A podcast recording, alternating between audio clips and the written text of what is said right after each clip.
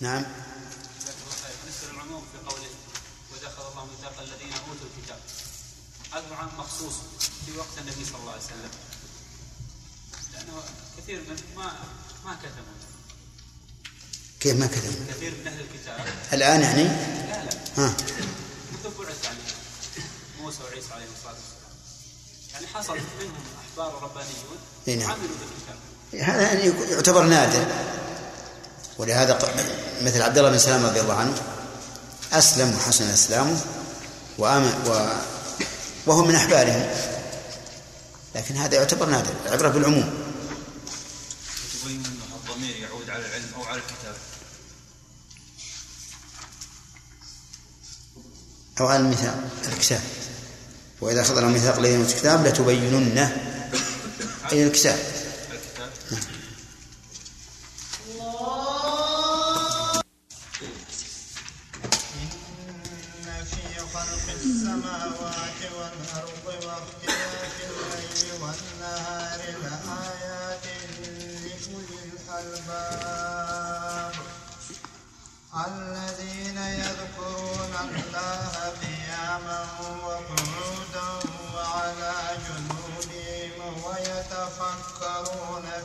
خلق السماوات والأرض.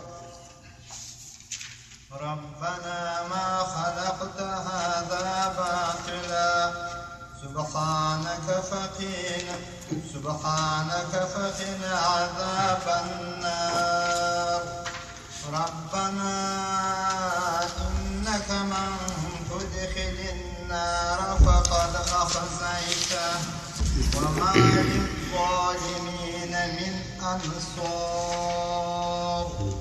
ربنا إننا سمعنا مناديا ينادي للإيمان أن آمنوا بربكم فآمنا.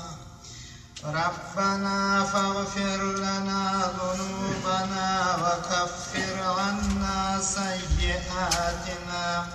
وكفر عنا سيئاتنا وتوفنا مع الأبرار. ربنا وآتنا ما وعدتنا على رسلك ولا تخزنا يوم القيامة. إنك لا تخلف الميعاد. أحسنت. أعوذ بالله السميع العليم من الشيطان الرجيم. قال الله عز وجل إن في خلق السماوات والأرض واختلاف الليل والنهار لآيات لأولي الألباب. قوله إن في خلق السماوات لا يخفى أن هذه الجملة مؤكدة. بماذا التوكيد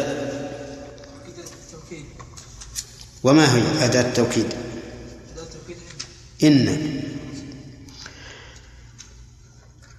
وأن فيها اختلافا في ترتيب الجزئين أعني جزئي المبتدأ والخبر.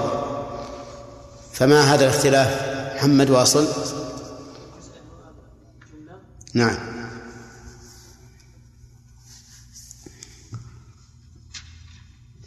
تقديم خبر. تقديم الخبر. في خلق السماوات هذا الخبر. وأن فيها مؤكدا آخر غير غير إن اللام في الآيات. نعم. يقول الله عز وجل مؤكدا مضمون هذه الجملة الخبرية إن في خلق السماوات والأرض. خلق. الخلق هو الابتداع على غير مثال سبق. يعني الإيجاد الشيء على غير مثال سبق يسمى خلق. يسمى خلق. وفي خلق السماوات والأرض آيات من عدة أوجه. الوجه الأول من جهة الكبر والسعة. الوجه الثاني ما فيهما من الحسن والبهاء والجمال. قال الله تعالى ولقد زينا السماء الدنيا بمصابيح والذي يطلع على ما صوره العلماء من من هذه الآيات العظيمة يتبين له عظمة الله عظمة الله عز وجل في هذا الخلق.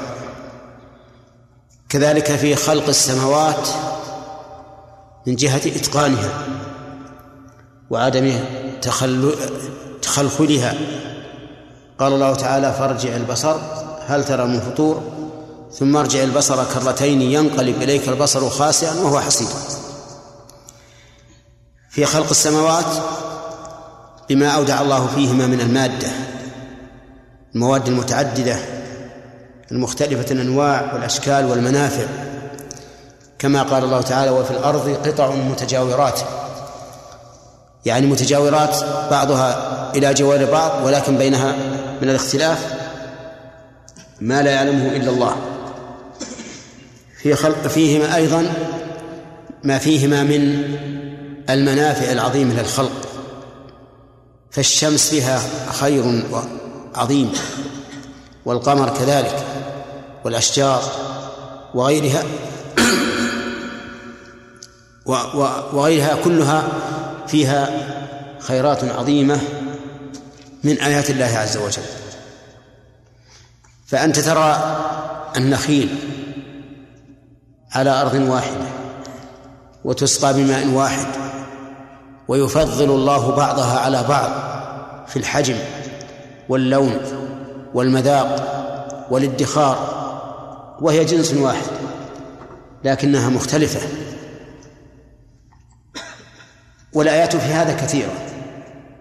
لو أن الإنسان جلس يتدبر ويتأمل ويكتب ويكتب كل ما يعن على خاطره لجمع آيات كثيرة في هذا. ونحن مأمورون أن نتدبر أو لم تفكروا في خلق السماوات والأرض. مأمورون بأن نتدبر ما في السماوات والأرض من الآيات لنستدل بها على كمال قدرة الله عز وجل. وما وما في ذلك من الحكم العظيمة والرحمة. وقول السماوات والأرض هذا هذا التعبير القرآني غالبا. أن الله يذكر السماوات مجموعة إلى الأرض مفردة. ولم يأتي في القرآن الكريم التصريح بعدد بعدد الأرض بخلاف السماء. فقد جاء التصريح بأنها سبع سبع سماوات. كما قال تعالى الله الذي خلق سبع سماوات ومن الأرض مثلهن. وقال تعالى قل من رب السماوات السبع ورب العرش العظيم. أما الأرضون فجاءت مشارا إليها. بأنها سبع بقوله تعالى الله الذي خلق سبع سماوات ومن الأرض مثلهن أي في العدد لا في الكيفية ولا في الماهية. وجاءت السنة صريحة في هذا في قول النبي عليه الصلاة والسلام من اقتطع شبرا من الأرض طوقه الله به يوم القيامة من سبع أراضين. وقوله اختلاف الليل والنهار أيضا هذا فيه آيات اختلاف الليل والنهار. على يعني أي وجه من الاختلاف يراد؟ الجواب أنه يراد اختلافهما من وجوه شتى. أولا من جهة أن الليل ظلمة والنهار نور. وهذا من, من آيات الله. قال الله تعالى قل أرأيتم إن جعل الله عليكم الليل سرمدا إلى يوم القيامة من إله غير الله يأتيكم بضياء؟ أفلا تسمعون. قل أرأيتم إن جعل الله عليكم النهار سرمدا إلى يوم القيامة؟ من إله غير الله يأتيكم بليل تسكنون فيه؟ أفلا تبصرون. ومن رحمته جعل لكم الليل والنهار لتسكنوا فيه ولتبتغوا من فضله ولعلكم تشكرون. فهذا من آيات الله. وجعلنا الليل والنهار آيتين. كذلك أيضا اختلافهما من جهة الطول والقصر. أحيانا يطول الليل وأحيانا يطول النهار وأحيانا يتساويان.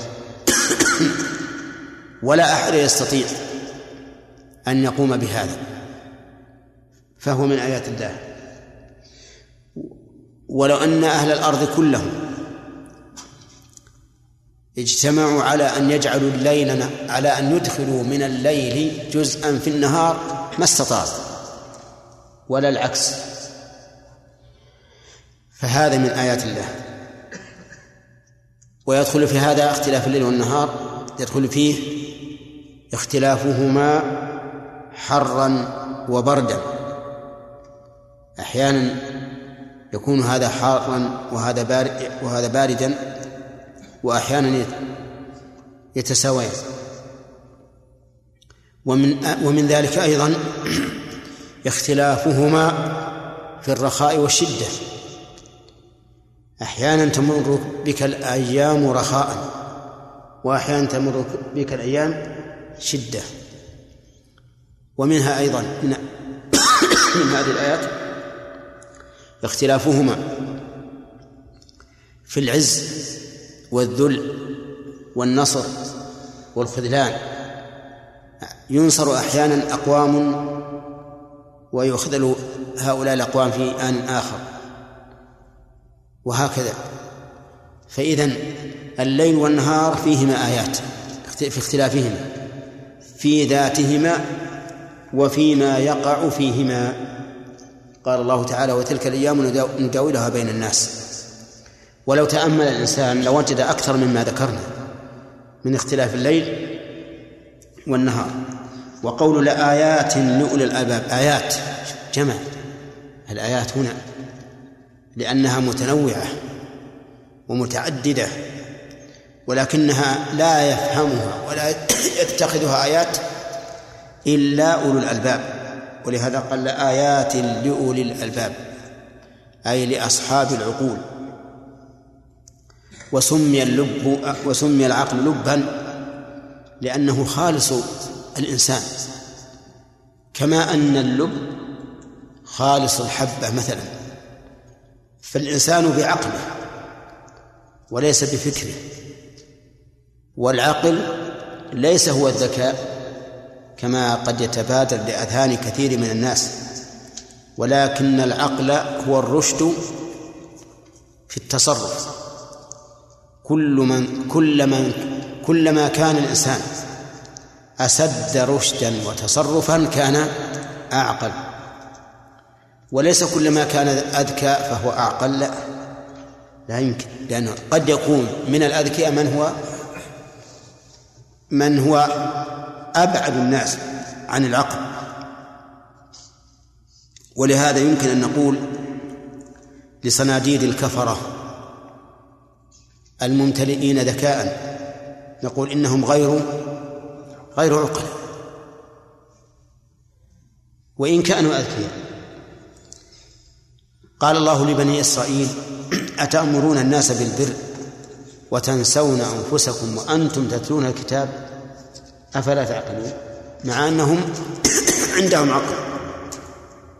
فأصحاب الألباب هم الذين يعرفون ما في هذه الأشياء الأربعة من الآيات العظيمة. خلق السماوات خلق الأرض اختلاف الليل اختلاف النهار. ثم بين الله تعالى ما يتصف به هؤلاء. فقال الذين يذكرون الله. وهذه صفة مبينة. يعني لنا أن نجعلها عطف بيان. ولنا أن نجعلها صفة مبينة. بحاله.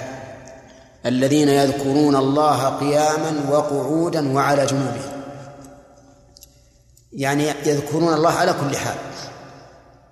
قياما وهي أعلى ما يكون الجسم الجسد قائما وقعودا وهي مرتبة دون بين القيام والقعود والاضطجاع والثالثة على جنوبهم. يذكرون الله بأي شيء؟ يذكرون الله سبحانه وتعالى بالتأمل في هذه المخلوقات. كلما نظروا كلما رأوا شيئا استدلوا به على كمال حكمة الله وقدرته وعلمه وهذا ذكر. رحمك الله. يذكرون الله بألسنتهم بالتهليل والتسبيح والتكبير وقراءة القرآن وغير ذلك. يذكرون الله بجوارحهم بالقيام والقعود والركوع والسجود في الصلاة بالطواف البيت بالوقوف بمزدلفة بالوقوف بعرفة بالوقوف بمنى برمي الجمار كل عبادة تتعبد لله تعالى وهي عبادة فعلية فهي من إيش؟ من ذكر الله لأنك تريد بها وجه الله وبذلك تكون ذاكرا له طيب وقوله على جنوبهم نعم يذكرون الله على جنوبهم بالقلوب والجوارح. لقول النبي صلى الله عليه وسلم لعمران بن حسين صل قائما فإن لم تستطع فقاعدا فإن لم تستطع فعلى جنب. ويتفكرون في خلق السماوات والأرض. يتفكرون التفكر إعمال الفكر يعني إعمال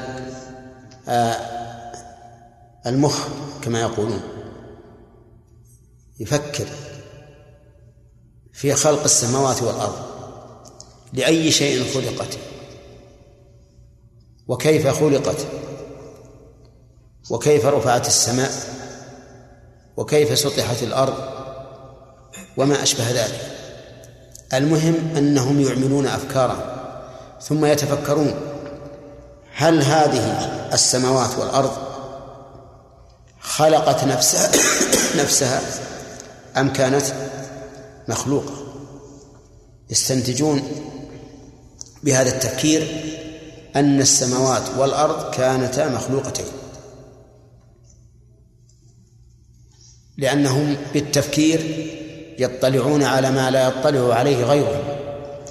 وقوله ربنا ما خلقت. هذه الجملة مقول لقول محذوف يعني يقولون ربنا ما خلقت هذا باطل. يعني بعد أن يتفكروا في خلق السماوات والأرض تحصل لهم هذه النتيجة المباركة. ربنا ما خلقت هذا باطلا. قوله ما خلقت هذه نافية. وقوله باطلا حال لازمة.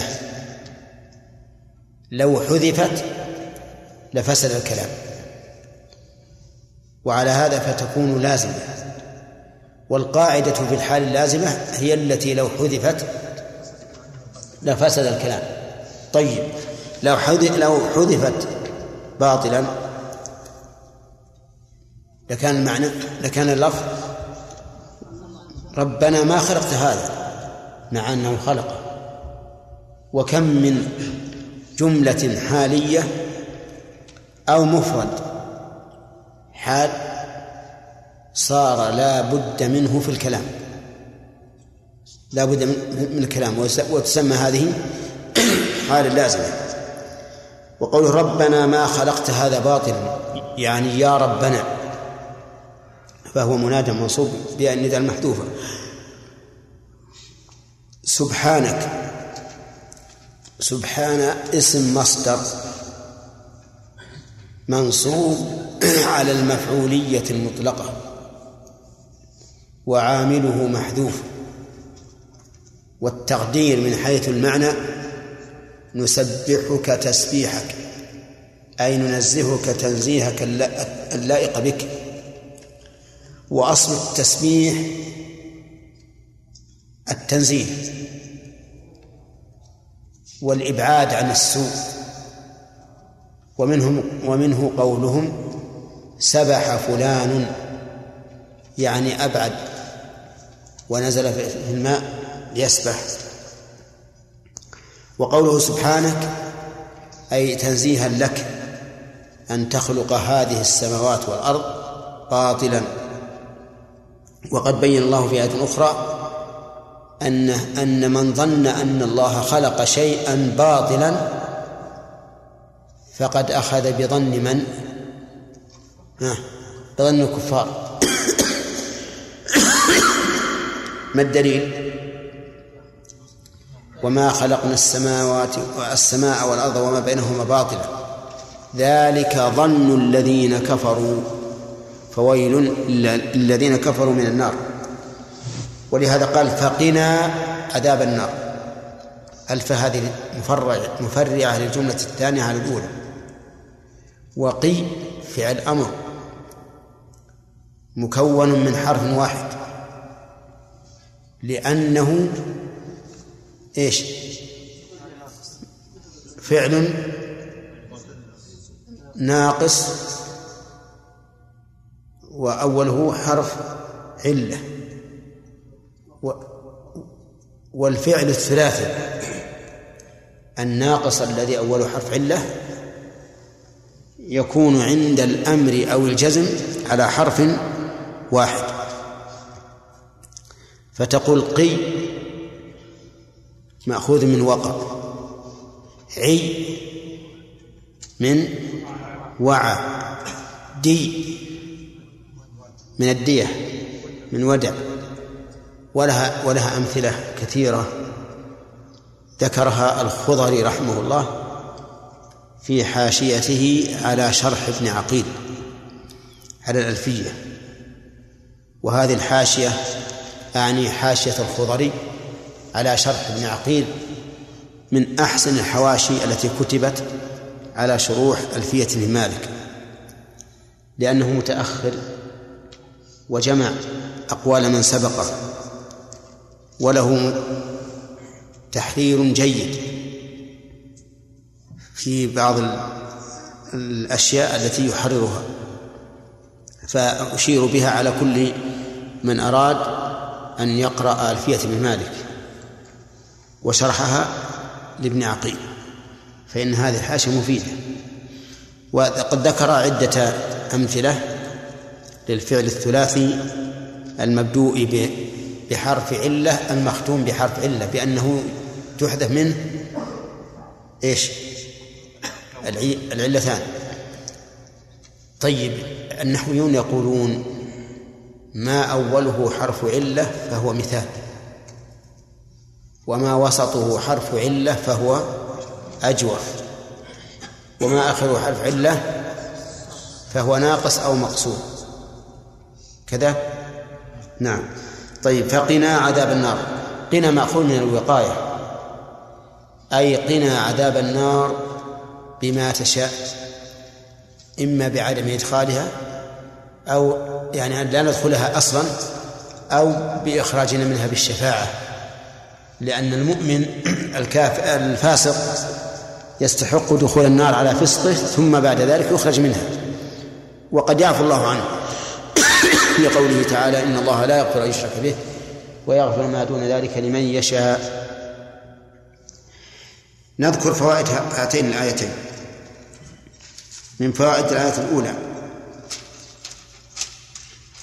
الحث على تدبر خلق السماوات. ها؟ ما شرحناها؟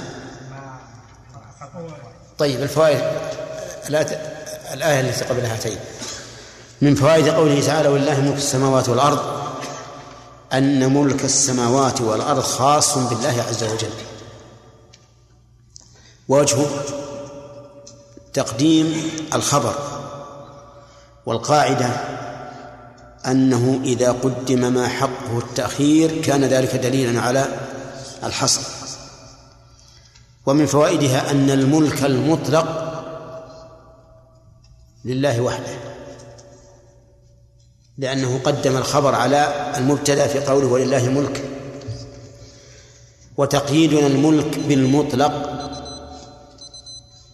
ينفي توهم التعارض بين قوله تعالى ولله ملك السماوات حيث حصل الملك له وحده. وقوله تعالى إلا على أزواجهم أو ما ملكت أيمانهم وقوله أو ما مفح أو ما ملكتم مفاتحه أو صديقه وذلك وجهه أن الملك المضاف إلى المخلوق ملك مقيد ليس ملكا مطلقا. ودليل هذا أن هذا المالك من المخلوق لو أراد أن يتصرف بماله على خلاف ما جاءت به الشريعة كان ممنوعا من هذا ولا يملكه. والله جل وعلا يملك ملكا يستغني عاما شاملا يستغني به عن غيره. ومن فوائد هذه الآية الكريمة الإشارة إلى أنه لا يجوز للإنسان أن يتصرف في ملكه إلا على حسب إذن الشارع. لأن كون الملك لله يدل على أن تصرفنا فيه إنما يكون بطريق الوكالة. يتقيد بما إيش؟ بما أذن له. ولهذا لو وكلت شخصا على بيع بيت لم يملك أن يؤجره. لأنه إنما وكل على البيع فقط. وهو المالك. والمالك الذي يملك البيت لم يأذن له في التأجير. إنما أذن له في البيع. فنحن نحن باعتبار ما ملكت أيماننا. لا نملكها ملكا إيش؟ مطلقا نتصرف فيها كيف شئنا وإنما هو تم وإنما تملكنا لها تملك يعني مقيد. ومن فوائد الآية الكريمة أن الشيء العام للخلق ليس ملكا لأحد. الذي أخرجه الله عز وجل وليس من صنع إنسان فهو غير ملك لأحد. إلا من سبق إليه بمقتضى النصوص الشرعية. ووجه ذلك أن الله جعل السماوات والأرض ملك ملكهما لمن له. فإذا كان له فإنه فإنك لا تملك شيئا. من أرضه إلا على الوجه الذي أذن فيه. ومن فوائد الآية الكريمة عموم قدرة الله عز وجل لقوله والله على كل شيء قدير. وأنت إذا قرأت هذه الآية وطبقتها على ما يريده بعض أهل الباطل من التشكيك في الشريعة فإنك تستريح.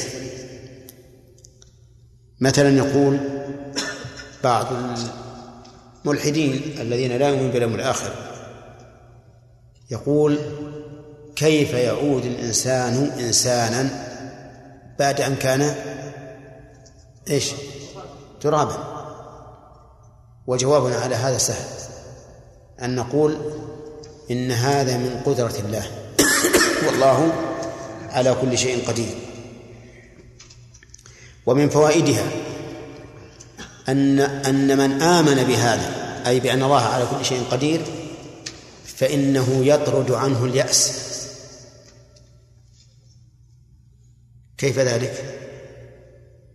لأن الإنسان قد يصاب بمرض مثلا فييأس من برئه بعد العلاج. فيقال له لا تيأس إن الله على كل شيء قدير.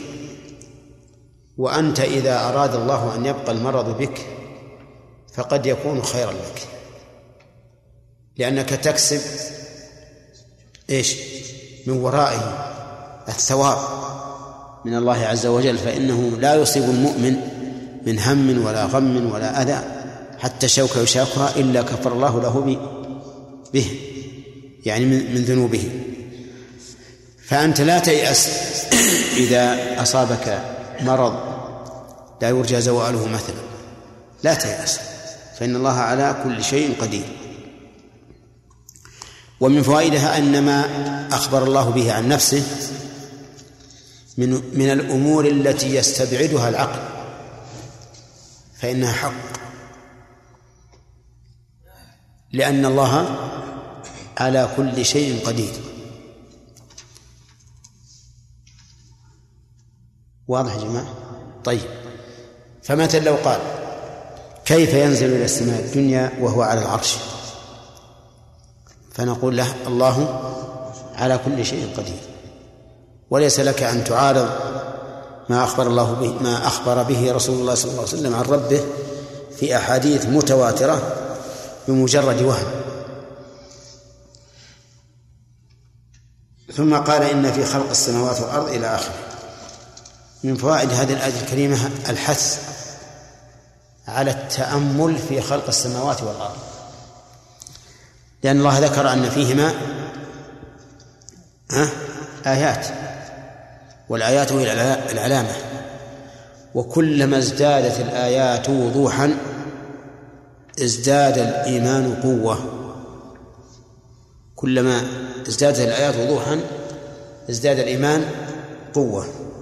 طيب ومن فوائد هذه الآية الكريمة النظر إلى خلق السماوات والأرض على الوجوه التي ذكرناها في التفسير من حيث ذواتهما ومنافعهما وما فيهما من الخير والمصالح حتى لا يذهب ذاهب إلى أنها خلقت عبثا. ومن فوائد هذه الآية الكريمة أيضا الإشارة إلى اختلاف الليل والنهار من رخاء إلى شدة وبالعكس ومن حرب إلى سلم ومن عز إلى ذل ومن فقر إلى غنى وبالعكس في هذه الأمور. ومن فوائد هذه الآية الكريمة الثناء على أصحاب العقول. لأن جعل هذا الاختلاف لأن الله جعل هذا الاختلاف آية لمن؟ لذوي العقول. أما من لا عقل له فإنه لا ينتفع بهذه الآيات ولا يعتبر بها وتمر عليه وكأنها مظاهر طبيعية لا علاقة لفعل الله تعالى بها. وهذا والعياذ بالله من الطمس على القلوب وعمل الأبصار. لأن هذا الكون المنظم على هذا النظام البديع لا يمكن أبدا أن يقع إلا من رب حكيم عز وجل ولا يمكن أن يقع من من فاعل على وجه السفه أبدا. ومن فوائد الآية الكريمة أن الرب عز وجل أظهر آياته لخلقه مع أن مجرد الإيمان بأن الله تعالى حي موجود يكفي لكن كلما تعددت الأدلة والآيات ازداد الشيء يقينا. ودليل هذا أن إبراهيم قال لله عز وجل رب أرني كيف تحيي الموتى؟ قال أولم تؤمن؟ قال بلى. ولكن ليطمئن قلبي فالإنسان قد يكون مؤمنا ولا إشكال عنده في الأمر لكن يحتاج إلى من يطمئنه. ومن فوائد هذه الآية الكريمة الثناء على العقل وهو عقل الرشد أو عقل التكليف. عقل الرشد لقوله عز وجل لآيات لأولي الألباب. ومن فوائدها أنه كلما كان الإنسان أعقل كان بالله وآياته أعلم. لقوله إن في ذلك لآيات لأولي الألباب. والحكم المعلق على وصف يثبت إيش؟ بثبوته ويعدم بعدمه. فإذا كان أصحاب العقول هم الذين ينتفعون بهذه المخلوقات ويستدلون بها على الخالق عز وجل وعلى ما له من صفات الكمال. فإن من عقله عقل بهيمي لا لا ينتفع بهذه الآيات لأنه ليس من ذوي الألباب فإن قال قائل العقول هبة من الله عز وجل. هبة. فكيف يذم الإنسان على فقدها أو يمدح على وجودها؟ فالجواب أن العقل أعني عقل الرشد نوعان. عقل غريزي وعقل اكتسابي أو كسب. فالعقل الغريزي يريد أن يكون جميع الناس نعم فالعقل الغريزي لا يحتاج إلى تأمل وتفكر. وأما العقل المكتسب فإنه يحتاج إلى تأمل ونظر وتفكر لأنه كلما ازداد تفكره ازداد إيمانه ويقينه ورشده. هل يؤخذ من الآية الكريمة الثناء على ذوي العقول؟ ذوي العقول. نعم. لأن الله جعل هذه الآيات نافعة لمن؟ لهم لأولي العقول. وعلى هذا فينبغي لك أن تكرس جهودك على التأمل المبني على العقل.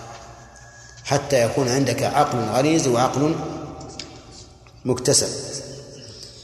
ثم قال عز وجل الذين يذكرون الله قياما وقعودا وعلى جنوبهم إلى آخره.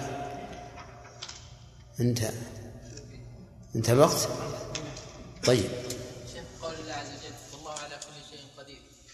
يقيد بعض العلماء القدرة هنا بما تعلقت بممكن نعم. فهل هذا الإمكان هو الإمكان العقلي أو الإمكان الواقعي؟ لا العقل الواقعي قد يكون الشيء غير واقعا آه، غير ممكن وقوعا لوجود الموانع. لكنه عقلا ممكن. نعم. يعني تعرف النحاة الحال بأنها فضلة ما يعارض هذه لا لا. المراد بالفضلة ما تستغني عنه أركان الجملة. كل جملة أي نعم. ربنا إنك من تدخل النار فقد أخزيته. وما للظالمين من أنصار. ربنا إننا سمعنا مناديا ينادي للإيمان أن آمنوا بربكم آمنوا. بالواو أن آمنوا بربكم فآمنا. ربنا فاغفر لنا ذنوبنا وكفر عنا سيئاتنا وتوفنا مع الأبرار. ربنا وآتنا ما وعدتنا على رسلك على رسلك ولا تخزنا يوم القيامة. إنك لا تخلف الميعاد. بس. أعوذ بالله من الشيطان الرجيم. قال الله تعالى إن في خلق السماوات والأرض واختلاف الليل والنهار لآيات لأولي الألباب. من هنا نبدأ درس جديد. مناقشة. أي نعم مناقشة. أين خبر إن في قوله إن في خلق السماوات والأرض؟ لآيات. كيف تكون خبرها وهي بالكسر؟ هذه آيات منصوبة بإن ومنصوبة بإن وعلامة الكسرة لأنها جمع لأنها جمع النساء صحيح نعم سبحان الله. إن في خلق. مبتدأ مؤخر. منصوب. اسم إن. اسم إن. اسم إن. إيه كيف خبر مؤخر؟ اسم إن. أنا أسأل عن الاسم إن أين هو؟ فأجل. كيف؟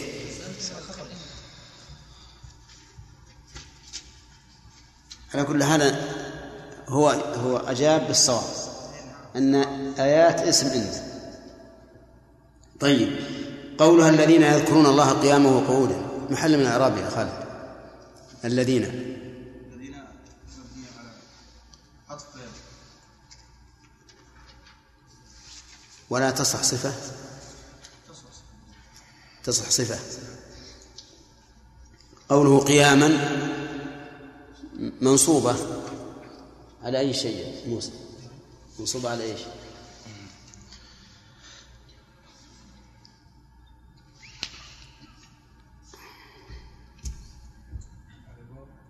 لا قياما ما فيها واو ابدا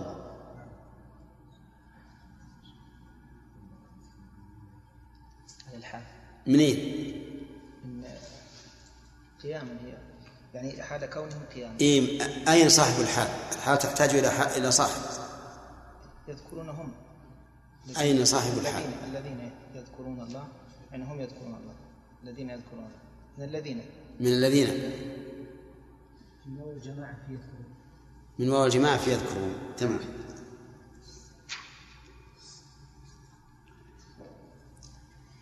قوله يتفكرون في خلق السماوات. محل الجملة من الإعراب يا عبد الرحمن بن داود. على إيش؟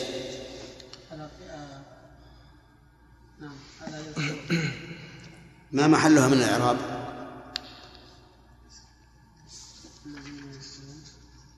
إذا قلنا أن الذين صفة في خلق تكون مجرور. كيف مشهورة تكون يعني مع المعطوف المجرور مجرور. أين لأن ما قلت على يذكرون؟ الذين الذين إيه اي نعم. آه، الذين يذكرون. يذكرون حال. طيب تكون حاليا حاليا مع الحال منصوب على الحال. لا محل له من الإعراب صلة الموصول. هذه لا محل لها من إعراب يا عبد الرحمن. لأنها معطوفة على صلة الموصول. وصلة الموصول ليس لها لها محل من الإعراب. نعم. قوله ربنا ما خلقت هذا باطلا. ما محلها من الإعراب يا عبيد الله؟ نقول قول محذوف. يقول ربنا. طيب. هذا الموقف على هذا بالشرح؟ تفسير. فوائد. يذكرون؟ طيب.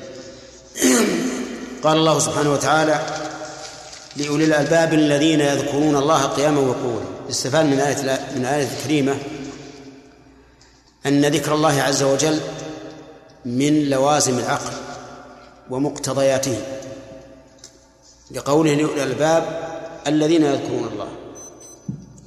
ومن فوائدها فضيلة إدامة الذكر الذكر ذكر الله عز وجل على كل حال لقول الذين يذكرون الله قياما وقعودا. وكان أبلغ من وفى بهذا حقه رسول الله صلى الله عليه وسلم. قالت عائشة رضي الله عنها كان النبي صلى الله عليه وسلم يذكر الله على كل أحيانه ومن فوائدها جواز ذكر الله تعالى للجنب أي أنه يجوز للجنب أن يذكر الله لدخوله في في العموم يذكرون قياما وقعودا وعلى جنوب. ومن فوائدها أن ذكر الله في حال في حال كون الإنسان على جنب لا يعد استهانة بالذكر.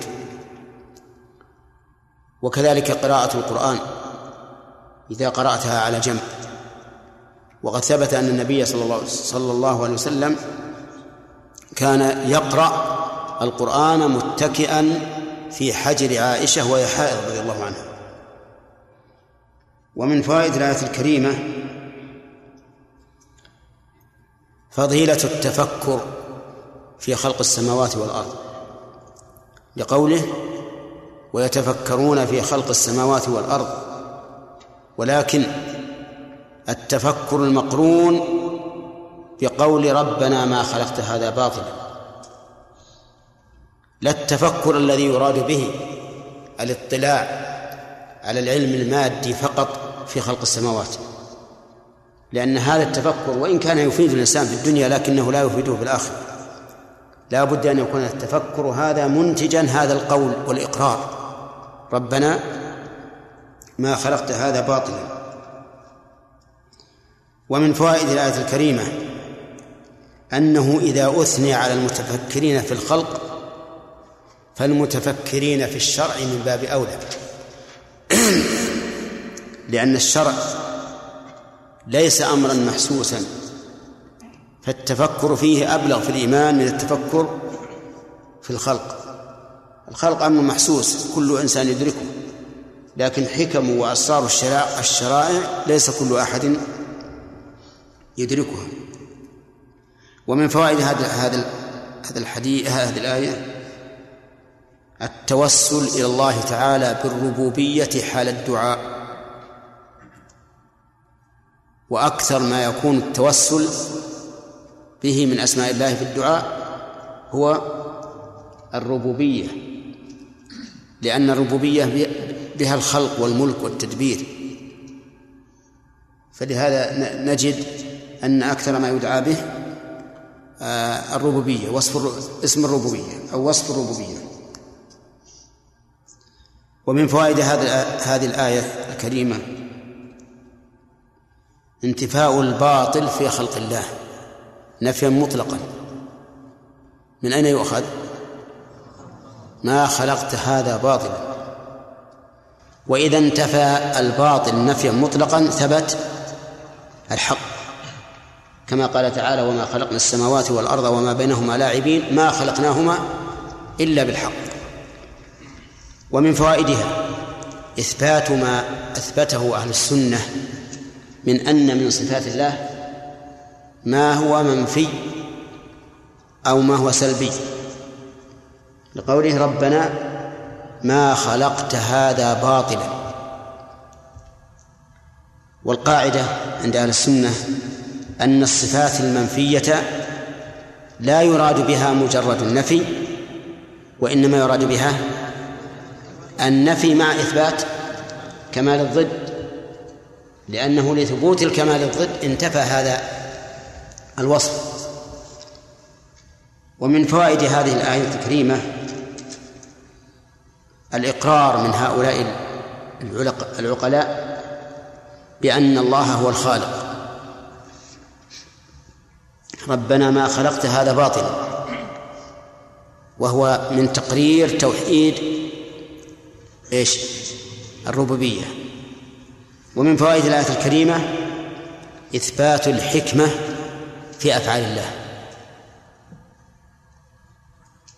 لقوله ربنا ما خلقت هذا باطلا لأنه لو خلقها باطلا لانتفت الحكمة. فإذا انتفى الباطل ثبتت الحكمة. وهذا هو الذي عليه أهل السنة والجماعة أن أفعال الله وشرائع الله كلها لحكمة. ليس فيه ليس فيها شيء عبثا إطلاقا. وما خفيت علينا حكمته فهو لقصور أفهامنا وليس لانتفاء الحكمة فيه. عرفتم هذا؟ لأن الله قال وما أوتيتم من العلم إلا قليلا. ونحن نؤمن بأن الله عز وجل لا يحكم بشيء حكما كونيا ولا قدريا إلا لحكمة ومن فوائد هذه الآية الكريمة تنزيه الله عز وجل عن كل عيب ونقص مأخوذة من قوله سبحانك والذي ينزه الله عنه شيئان النقص والثاني إيش؟ النقص والعيب هو العيب مماثلة المخلوقين. حتى فيما هو كمال في المخلوقين فإن الله منزه عن مماثلتهم. قال الله تعالى ليس كمثله شيء. وقال تعالى وما مسنا من لغوب فكل نقص قد تعالى الله عنه. نعم. ومن فوائد الآية الكريمة أن صفوة الخلق محتاجون إلى الدعاء بالوقاية من النار. لقولهم سبحانك فقنا عذاب النار. ومن فوائدها إثبات التوسل في الدعاء بصفات الله. ها؟ من قوله فقنا لأنهم بنوا فقنا على قولهم سبحانك فقنا. يعني أن أننا نتوسل الله عز وجل بتنزهه عن النقص أن يقينا عذاب النار لأننا نحن مؤمنون. يذكرون الله قياما وقعودا وعلى جنوبهم ويتفكرون في خلق السماوات والأرض ويقرون بأنها خلقت بالحق وللحق وينزهون الله عز وجل عن كل نقص وعيب وينبني على ذلك أنهم جعلوا ذلك وسيلة لوقاية الله تعالى إياهم من النار. سبحانك فقنا. لأنه من المعروف في اللغة العربية أن الفاء تدل على إيش؟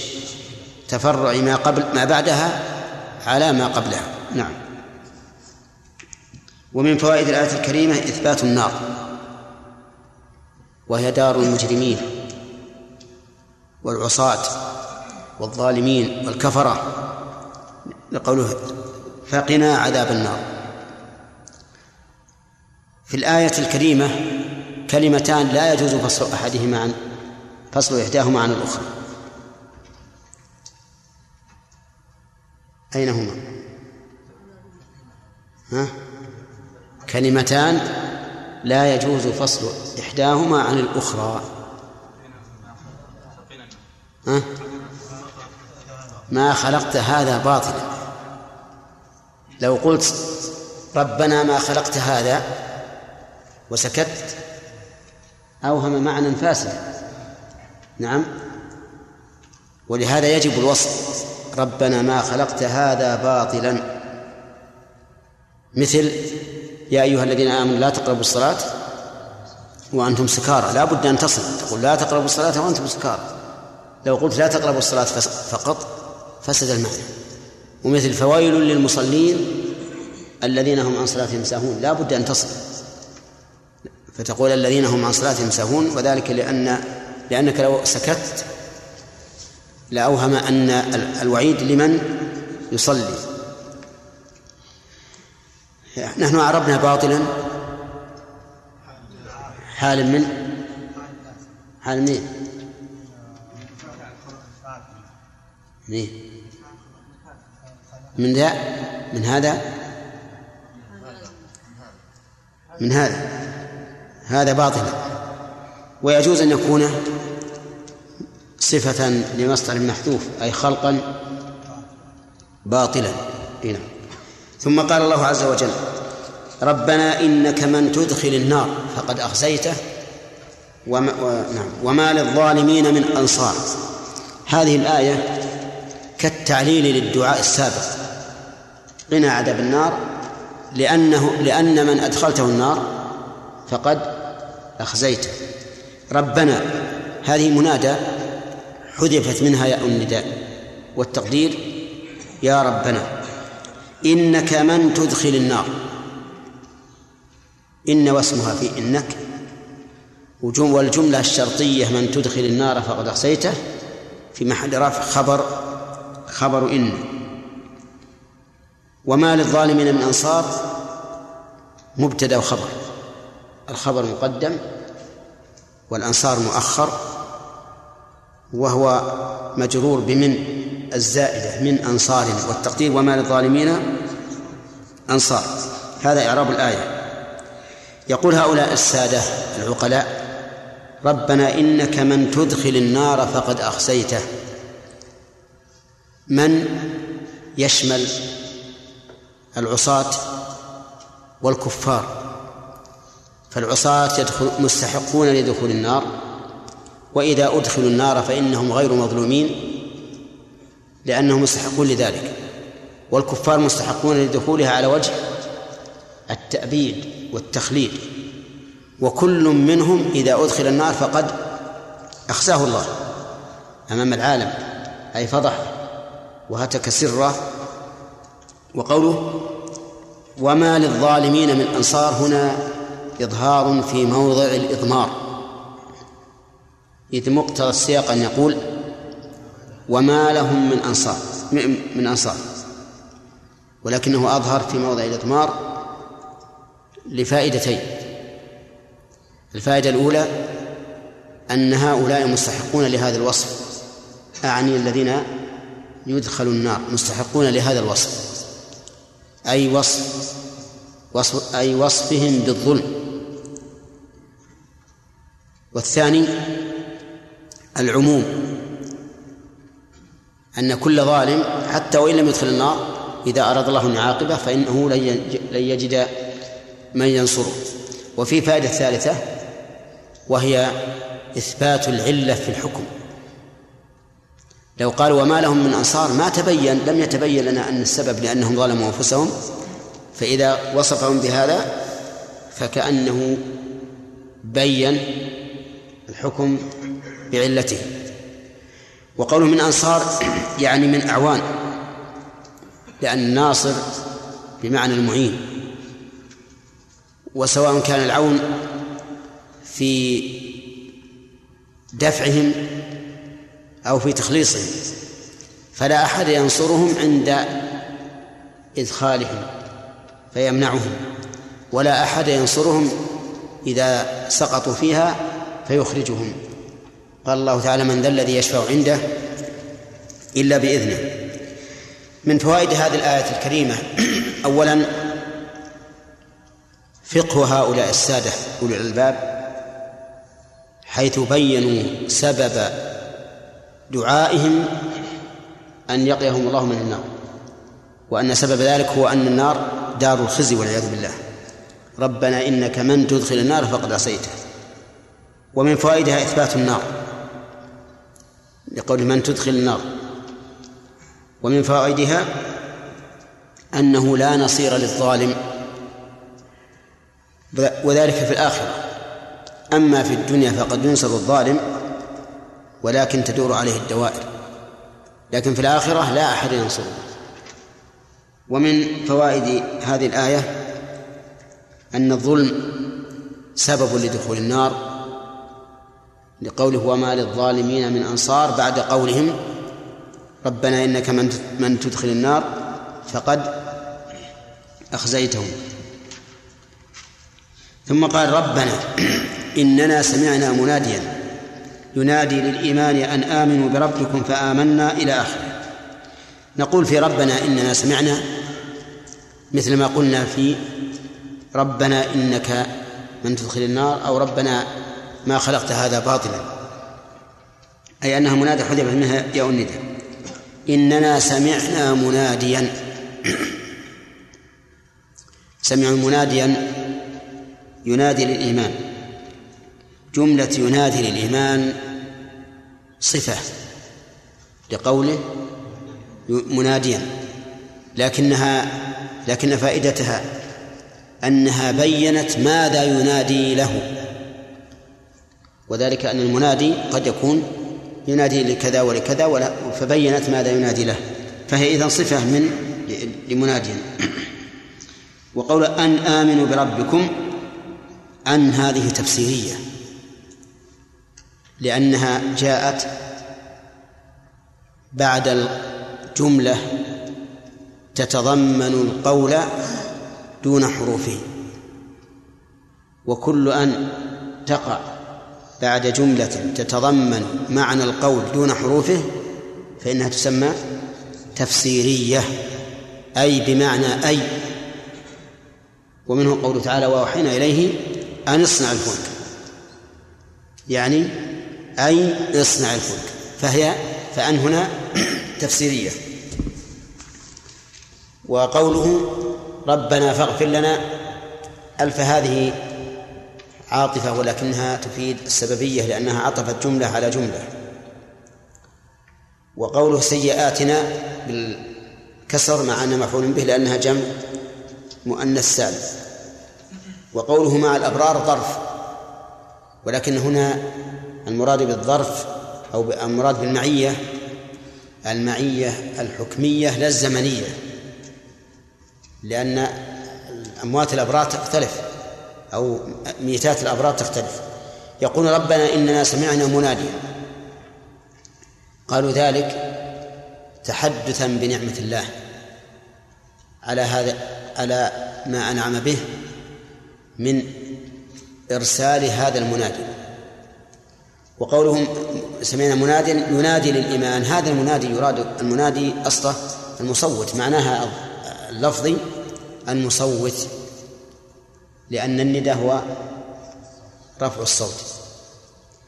ولكن المراد به محمد صلى الله عليه وسلم. وسماعهم له يقع على وجهين.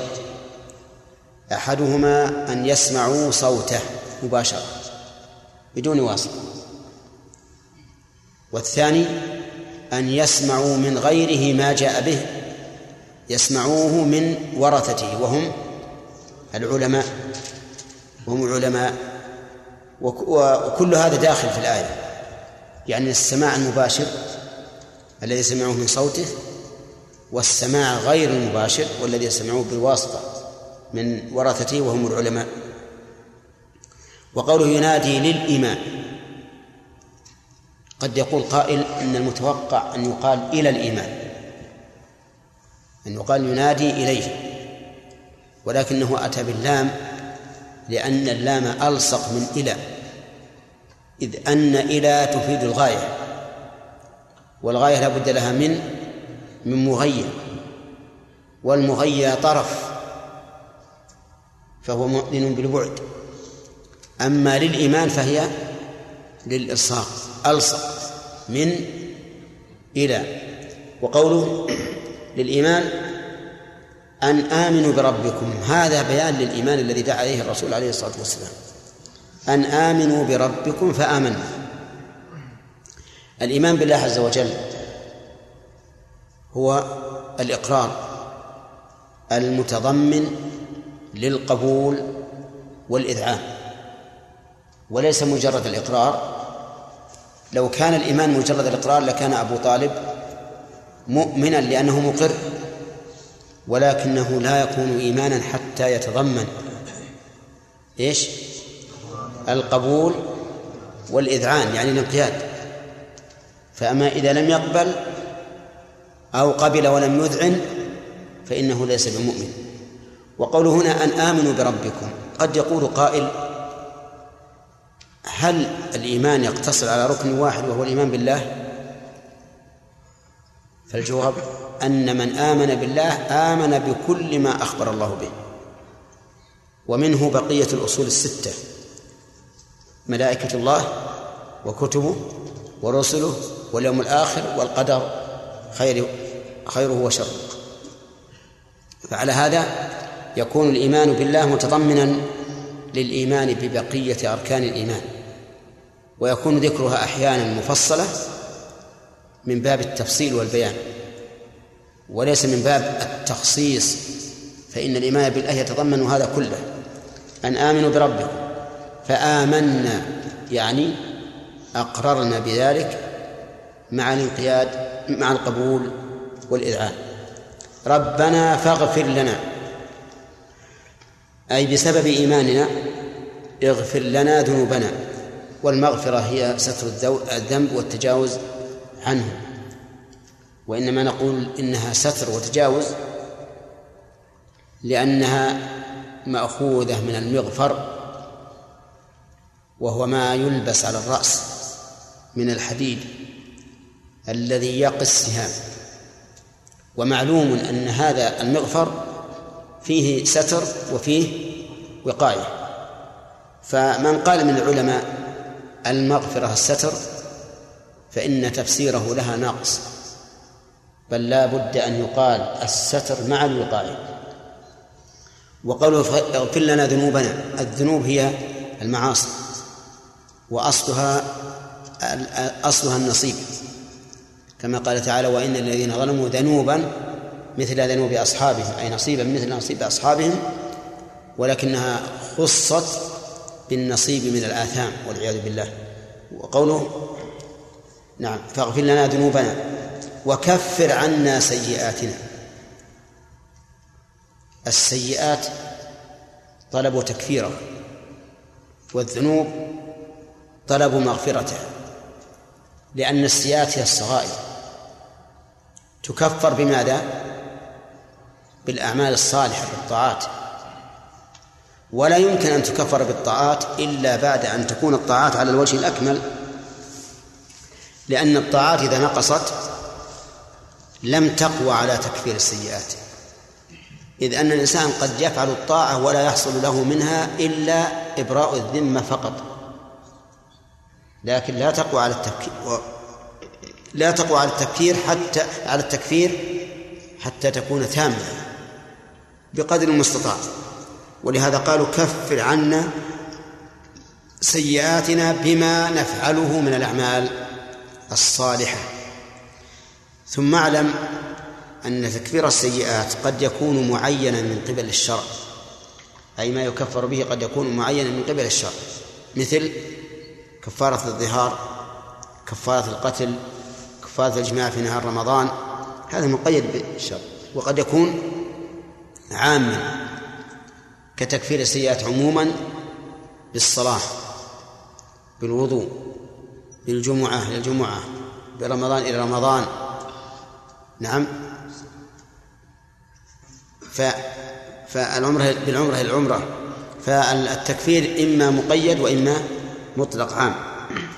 وتوفنا مع الأبرار. توفنا يعني اقبضنا إليك. والتوفية بمعنى القبض. ومنه قولهم توفى فلان حقه أي قبضه وافيا وقولهم مع الأبرار المعية هنا ليست معية زمنية لتعذر اجتماع وفاة الأبرار في إيش؟ في آن واحد لكنها معية حكمية مصاحبة حكمية يعني أن نكون معهم أي في جملتهم. ولو كنا بعدهم. ولو كنا بعدهم. وليس معية مصاحبة لا. لاختلاف الأزمان بين موت الأبرار بعضهم مع بعض. والأبرار جمع بر. جمع بر. والبر هو هو كثير الخيرات. قال الله تعالى إنا كنا من قبل ندعوه إنه هو البر. وأهل الحق والأعمال الصالحة لا شك أنهم كثير فعل الخير وأنهم أبرار. من فوائد هذه الآية الكريمة أنه ينبغي للإنسان أن يعترف بنعمة الله عليه غير مان بها على ربه. لقولهم ربنا إننا سمعنا مناديا ينادي للإيمان أن آمنوا بربكم فآمنا. ومن فوائدها أن دعوة النبي صلى الله عليه وسلم دعوة إلى الإيمان. ينادي للإيمان. ومن فوائدها بيان أن رسول الله صلى الله عليه وسلم بذل الجهد في دعوة الحق إلى الخلق في دعوة الخلق إلى الحق. لأن النداء يكون برفع الصوت. فكأن الرسول عليه الصلاة والسلام يدعو الناس بأعلى صوته يناديهم للإيمان. ومن فوائد هذه الآية الكريمة أن الكلمات قد يستغنى بمضمونها عن تفصيلها. الكلمات قد يستغنى بمضمونها عن تفصيلها. لقوله ربنا إننا آمنا أي بكل شيء يجب الإيمان به. نعم. فكل ما أخبر الله به فإنه فإذا صدقنا به وأقرنا به فهو داخل في الإيمان بالله عز وجل. ومن فوائد الآية الكريمة الإشارة إلى بيان العلة.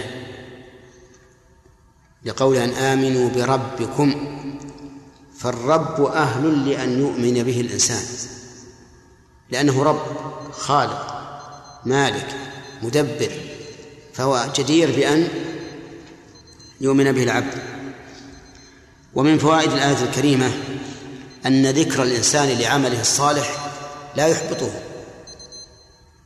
فإذا قال أمرني ربي بالصلاة فصليت أو بالزكاة فزكيت أو بالحج فحججت فإن هذا لا يبطل العمل. لأنهم قالوا أن آمنوا بربكم إيش؟ فآمنا. ومن فوائد الآية الكريمة جواز التوسل في الدعاء بالأعمال الصالحة.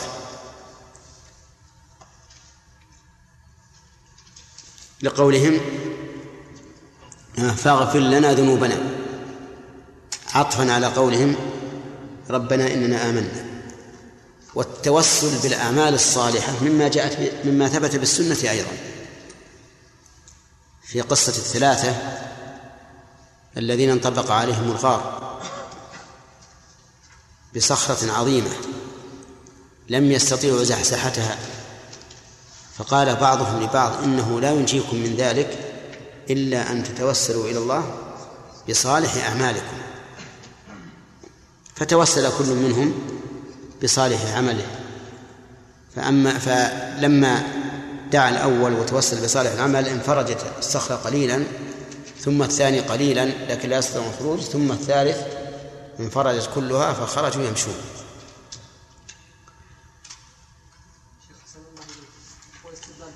بعض العلماء في هذه الآية الذين يذكرون الله قياما وقعودا وعلى جنوبهم. وبأن النبي صلى الله عليه وسلم كان يذكر الله على كل أحيانه نعم. على جواز الذكر في حال الخلاء ذكر, ذكر الله عز وجل في حال الخلاء استدلال متوجه ولا فيه نظر؟ أما من أخذ بالعموم فيه نظر. فهو متوجه. إلا أن يقوم دليل على كراهة ذكر الله في الخلاء ما لا أعلم في هذا دليل. إلا إلا التعليل فقط. ما فيه إلا التعليل فقط. إن هذا مكان قدر فينبغي الإنسان أن يتجنب فيه ذكر الله. نعم. النار فقد أخزيت. طائفة الخوارج يستدلون بهذه الآية. من أدخل النار فقد يكون منزوعا الإيمان. ليش؟ يكون منزوعا الإيمان. بقوله تعالى يوم لا يخزي الله النبي والذين آمنوا. نعم. قوله فقد أخزيت إيه. كيف أخذت عليه؟ لا ليس فيه هذا الدليل. لأننا نقول الخزي قد يكون عاما دائما وهذا لأهل النار الذين يستحقونها على الدوام. وقد يكون خزيا جزئيا يفضحه ثم بعد ذلك يزول عن هذه الفضيحة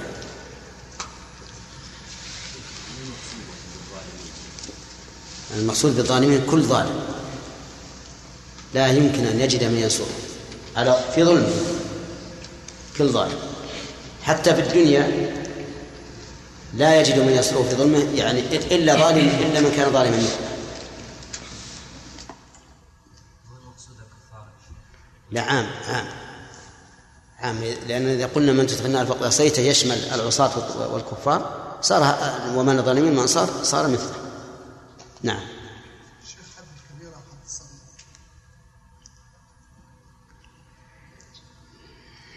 ما مرت علينا؟ كثير. نعم. قلنا إن الكبيرة أحسن ما قيل فيها هو هي هي ما رتب عليه عقوبة خاصة. ما رتب عليه عقوبة خاصة سواء كانت العقوبة دنيوية أو دينية في الدنيا أو في الآخرة. هذا أحسن ما قيل فيها وهو الذي ذكره شيخ الإسلام رحمه الله. وقال بعضهم إن الكبيرة ما رتب عليه حد في الدنيا أو وعيد في الآخرة أو لعنة أو غضب أو نفي إيمان أو تبرؤ منه وصاروا يعدون مثل هذا. فإذا قلنا ما رتب عليه عقوبة خاصة صار أشمل. ومن المعلوم أن الكبائر بعضها أهون من بعض أو أعظم من بعض. لقول النبي عليه الصلاة والسلام في حديث أبي بكرة ألا أنبئكم بإيش؟ بأكبر الكبائر. نعم. ها؟ إي نعم. يكون هذا من الصغائر. لكنه عند العلماء أن الإصرار على الصغيرة يعتبر يعتبر كبيرة الدعاء فاغفر لنا وكفر عنا وتوفنا اغفر لنا يعني مطلقا توفنا مطلقا بأجل ما هو مقيد إذا جاء الأجل. يعني كأنك تقول في هذا دين على جواز الدعاء بالموت؟ ها؟ لا ليس كذلك. معلوم أن الله سبحانه وتعالى لن يتوفاهم إلا إذا جاء أجلهم. وليس فيه أنهم يتمنون تقديم الوفاة. وهذا نظير قول يوسف عليه الصلاة والسلام أنت ولي في الدنيا والآخرة توفني مسلما والحقني بالصالحين. ليس المعنى أنه يسأل الله أن يتوفاه الآن بل أن يتوفاه على على الأجل على الإسلام. متى جاء أجله؟ وكذلك قول مريم يا ليتني مت قبل هذا. ليس معناها أنها تمنت الموت بل تمنت أنه أن هذا لم يقع. يعني تقول يا ليتني مت وأنا ما رأيته. هذا معنى نعم. نعم. إيش؟ لو استدلتين يا شيخ على أن الإيمان يأتي بعد التصديق بعد الإيمان هنا عدي بالله عدي باللام لا بالباء. فاختلف عن الإيمان المعدى بالباء نعم فهد إيش؟ تكفير السيئات وكفر عنها نعم. إيش؟ ماذا يختلف عن المغفرة؟ المغفرة تكون بفضل الله فقط بفضل الله مجرد مجرد فضل الله أن الله تعالى يغفر للإنسان والتكفير يكون عمل صالح يكفر السيئات؟ ها؟ طلبوا هذا وهذا لأن لأن الكبائر لا لا, لا تكفر تحتاج إلى مغفرة من الله عز وجل إما مجرد فضل منها سبحانه وتعالى وإما بعمل أسباب كالاستغفار والتوبة آه، ترفع حكم هذه الكبائر ما الفرق بين المغفرة والتكفير في اللغة؟ الشر بين الفرق بينهم بين الشر بينهم ويكفي فرق الشر. ولا حتى المغفرة في الأصل الستر والكفر أيضا في الأصل الستر. نعم. استدل أهل السنة على الله سبحانه وتعالى صلى الله عليه وسلم يوم القيامة. فقال المناداة أصلا لا تكون إلا بصوت. وهنا سمعنا مناديا وكما تفضلت المناداة تكون بصوت مباشرة وبواسطه أيضا ولا سيما جاء في بعض الروايات أن ملكا هو الذي ينادي. الا يمكن أن يكون في هذا حجة على أهل السنة. أبدا ولا شيء. لأن سمعنا منادي ينادي الإيمان أن آمنوا بربكم يبينه الواقع. يبينه الواقع. وإلا لو لم يقل بذلك لم تكن الآية شاملة للأمة كلها لكانت خاصة بالصحابة فقط.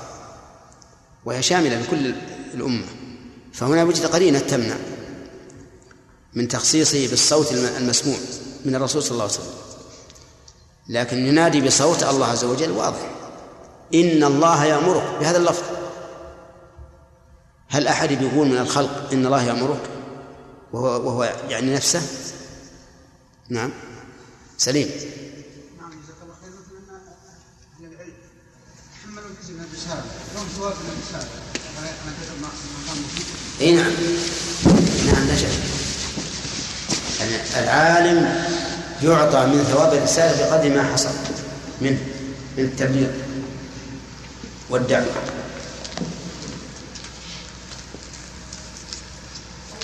فيه اسم الأنبياء. فاستجاب لهم ربهم أني لا أضيع عمل عامل منكم من ذكر أو أنثى. بعضكم من بعض.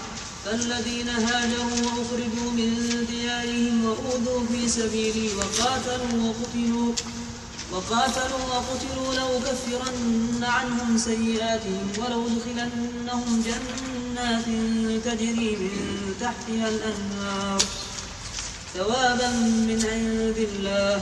والله عنده حسن الثواب. بس.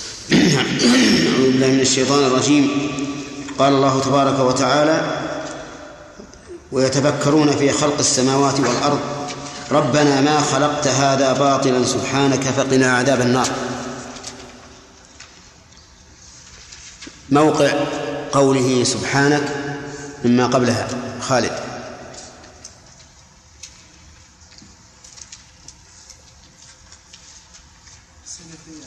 في المعنى. نعم.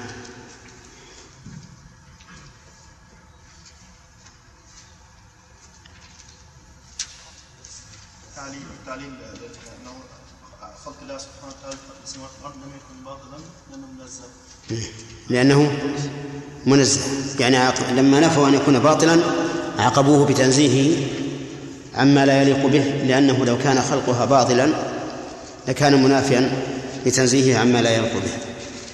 قوله ربنا إنك من تدخل النار فقد أخزيته. في كسر اللام إشكال. يا سامي من تدخل النار. كيف كسره وهي فعل التقاء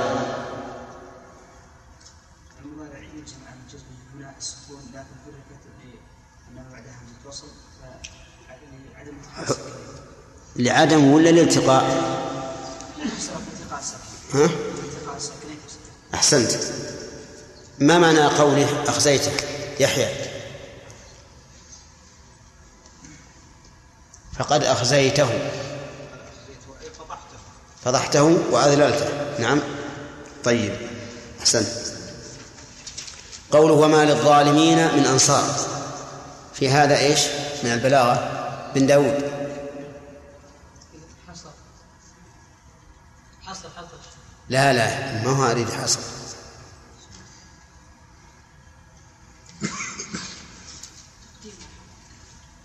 هذا هو الحصر اللي يقول لكن ما هو هذا أريد؟ ماذا أريد؟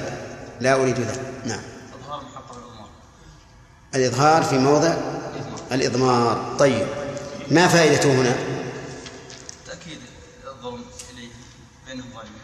الإشارة إلى أن من دخل النار فإنه دخلها بظلم نفسه. كذا؟ نعم. طيب. من من المراد بالمنادي الذي ينادي للإيمان؟ محمد رسول الله صلى الله عليه وسلم. طيب. وهل سماعهم إياه بواسطة أو بلا واسطة؟ بلا واسطة وبواسطة من العلماء أحسنت. تمام. فالذين أدركوا عهده بنفسه بواسطة. في في عهده بن- من نفسه بواسطة. بواسطة لا بنفسه يعني هو رسول الله صلى الله عليه وسلم موجود في وقته إيه. أقول هؤلاء سمعوه بواسطة. الذين أدركوا عهده هؤلاء سمعوه بواسطة. توافقون؟ لا من نفسه من نفسه من نفسه إيه لك أسألك الآن هل هو بواسطة أو بغير واسطة؟ لا بغير واسطة. إيه. ونحن بواسطة. أحسنت تمام. صح. طيب. قوله أن آمنوا أن هذه خالد؟ تفسيرية.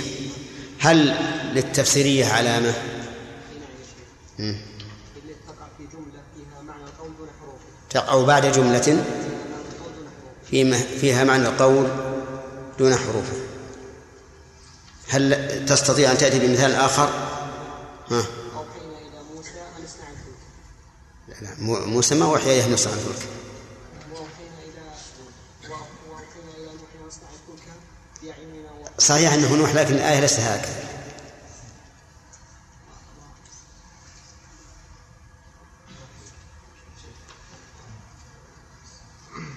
نعم. أنت. نعم. وأوحينا إلى يمكن تريد هذه يا خالد وأوحينا إلى أم موسى أن أرضعيه هذا يمكن لعلك تريد هذه؟ نريد الأول. إيه، طيب. طيب قول اغفر لنا ذنوبنا وكفر عنا سيئاتنا. نعم ما الفرق؟ نعم. نعم. تكفير في الصغائر. طيب دليل هذا؟ الأخ دليل ما ذكرنا أن المغفرة للكبائر والتكفير للصغائر بالنسبة للسيئات إن الحسنات يذهبن السيئات. قوله تعالى ذلك ذكر الذاكرين. إن تجتنبوا كبائر ما تنهون عنه آه. نكفر عنكم سيئاتكم. طيب. وقفنا على هذا. قال الله عز وجل في جملة دعاء هؤلاء الموفقين أولي الألباب. ها؟ اصبر خلينا نكمل الآية. وتوفنا مع الأبرار هل هل فسرنا هذه؟ إيه. فوائد من الآية نفسها إلى إلى مع الأبرار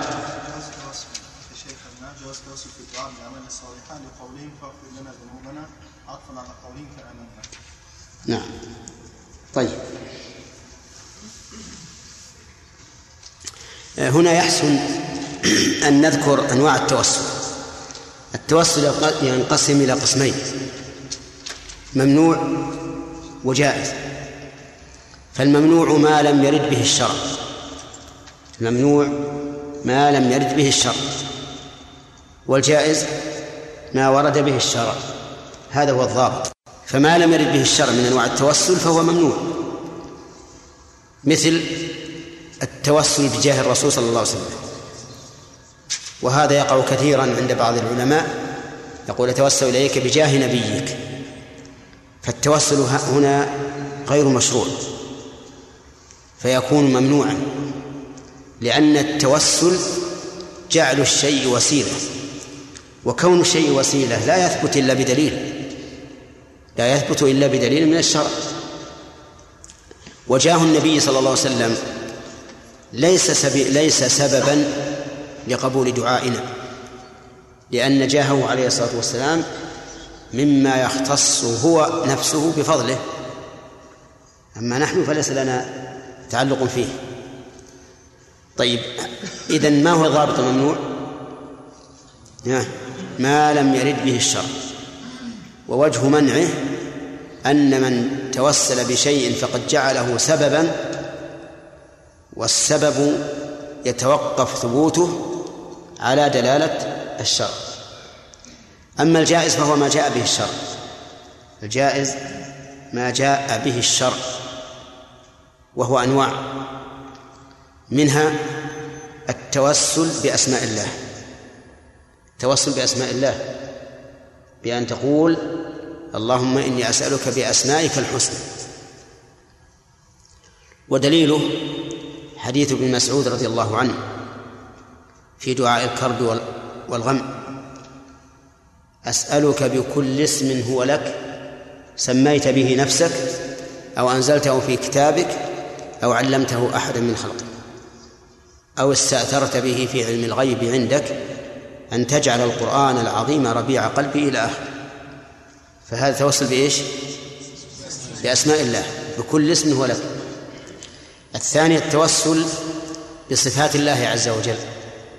توسل بصفات الله. ومن ذلك قول النبي عليه الصلاة والسلام اللهم بعلمك الغيب وقدرتك على الخلق أحيني ما علمت الحياة خيرا لي. فقوله بعلمك الغيب هذا توسل الله بإيش؟ بصفته. ومن ذلك اللهم برحمتك أستغيث. فإن هذا ليس استغاثة بالرحمة ولكن استغاثة بالله لصفته وهي الرحمة فإن الرحيم يغيث. الثالث التوسل إلى الله بأفعاله. التوسل إلى الله بأفعاله والفعل وإن كان من من, من الصفات لكن هو صفة ليست أزلية أبدية. ومنه قولنا في التشهد. اللهم صل على محمد وعلى آل محمد كما صليت على إبراهيم وعلى آل إبراهيم إنك حميد مجيد. فقولك كما صليت على إبراهيم. المراد بذلك التوسل إلى الله. يعني مثل ما صليت على إبراهيم وعلى إبراهيم فصل على محمد. وإذا قلنا بهذا صارت الكاف للتعليل. صارت الكاف للتعليل. وبها وبهذا التقرير يرتفع الإشكال الذي أورده بعض العلماء وقالوا من المعلوم أن محمدا صلى الله عليه وسلم أفضل من إبراهيم. والقاعدة أن المشبه دون مرتبة المشبه به. وهنا قال صل على محمد كما صليت. وإذا قلنا بأن هذه بأن الكاف ليست للتشبيه ولكنها للتعليل وأن هذا من باب التوسل يعني أننا لا نسألك أمرا غريبا نسألك أمرا فعلته من قبل. فإن الإشكال هنا إيش؟ يرتفع ولا يبقى في هذا الإشكال طيب. لا. التوسل إلى الله بأسمائه التوسل إلى الله بصفاته التوسل إلى الله بأفعاله الرابع التوسل إلى الله تعالى بالإيمان. التوسل الله بالإيمان بالإيمان به وبرسله. ومن هذه الآية ربنا إننا سمعنا مناديا ينادي للإيمان أن آمنوا بربكم فآمنا ربنا فاغفر له. فجعلوا إيمانهم بذلك وسيلة لسؤال المغفرة. ربنا فاغفر لنا ذنوبنا. الخامس التوسل إلى الله عز وجل بالأعمال الصالحة.